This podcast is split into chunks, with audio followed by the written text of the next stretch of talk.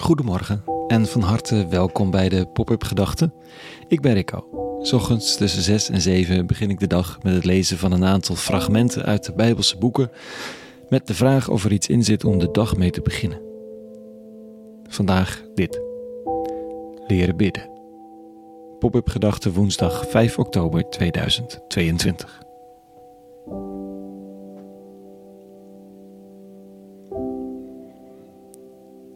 Nood leert bidden, zeggen ze. En dat scheelt voor degenen die vinden dat bidden belangrijk is, want nood is er vandaag genoeg.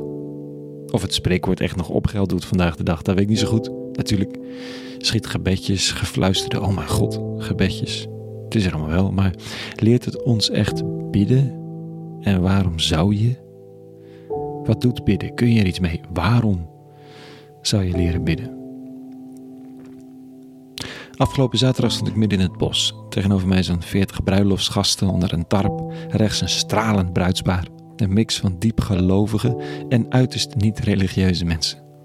God was voor de een een levende realiteit met een heel heldere set aanspreekvormen, titels, liturgie, wereldbeeld en voorschriften. Voor de ander was God een woord dat bij een ander type mens hoorde dan bij hen, bij de religieuzen. Als het een bijeenkomst voor God was, zouden ze beleefd observeren hoe de mensen die daarin geloofden hun ritueel afwerkten en daar dan zo hun observaties op nahouden. Ze zouden het wel mooi vinden, of een beetje vreemd, of zelfs lelijk. Maar dat was niet de bedoeling van het bruidspaar. En niet van mij. De viering moest en zou zowel voor de een zijn als voor de ander. Zowel de religieuze als de spirituele omarmen, zowel de mens die in het bos, verre van alle institutionele vormen, een welhaast religieuze ervaring kon hebben, vanwege de schoonheid, de vrijheid of de natuur, als de gelovige die daarvoor de vaste vormen van een geloofsgemeenschap nodig had. In de voorbereiding herinnerde ik me een oude tv-serie. Het heet Op zoek naar God. Het was een BN'er, natuurlijk, wie anders, die dan op zoek zou gaan naar God en daar allerlei christenen voor zou spreken.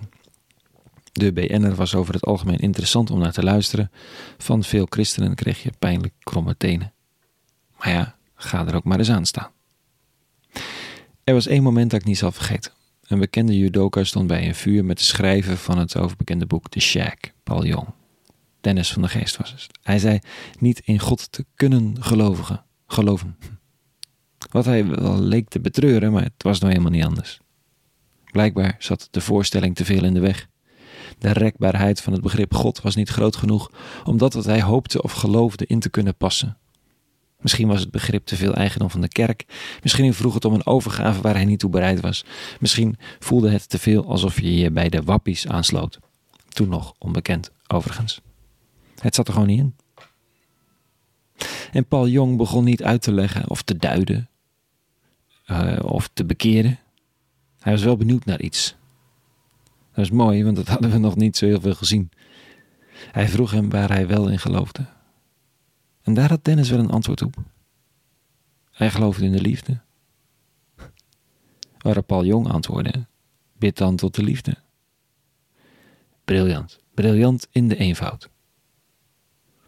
Met het bidden wordt het algemene, ongrijpbare begrip een persoonlijk tegenover. Bidden impliceert een, een vooroverbuigen, een luisteren, een je laten gezeggen.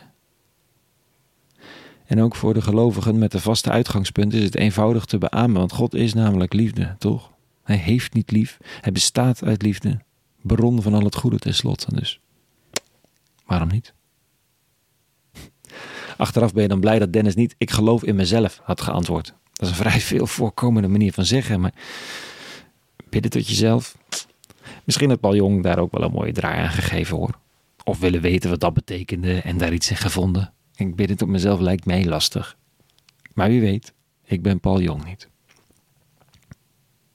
Het zijn de leerlingen van Jezus van Nazareth die hem vandaag vragen: leer ons bidden. Waarop hij hen het Onze Vader aanleert. Superkort, praktisch gebedje.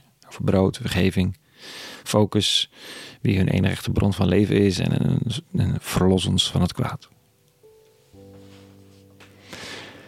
Ik wil alweer opnieuw leren bidden. Het hoofd buigen, Zoals mijn islamitische vrienden zeggen, je hoofd onder je hart buigen. En dat doen ze dan letterlijk als ze hun hoofd op de grond leggen, al die keren per dag. Dat je hart mag uitspreken wat je hoofd lang niet altijd gelooft. Dat je hart mag geraakt worden door de enige die echt tot je hart mag spreken. Dat je weer even weet dat je naast alle mensen die iets over je zeg, te zeggen menen te hebben, inclusief jezelf, ook een hogere autoriteit erkent. Die genadiger is, die langer meegaat dan jezelf, dan al die mensen om je heen. En die er altijd zal zijn. Dat. Tot zover vandaag. Een hele goede woensdag gewenst. En vrede. En alle goeds.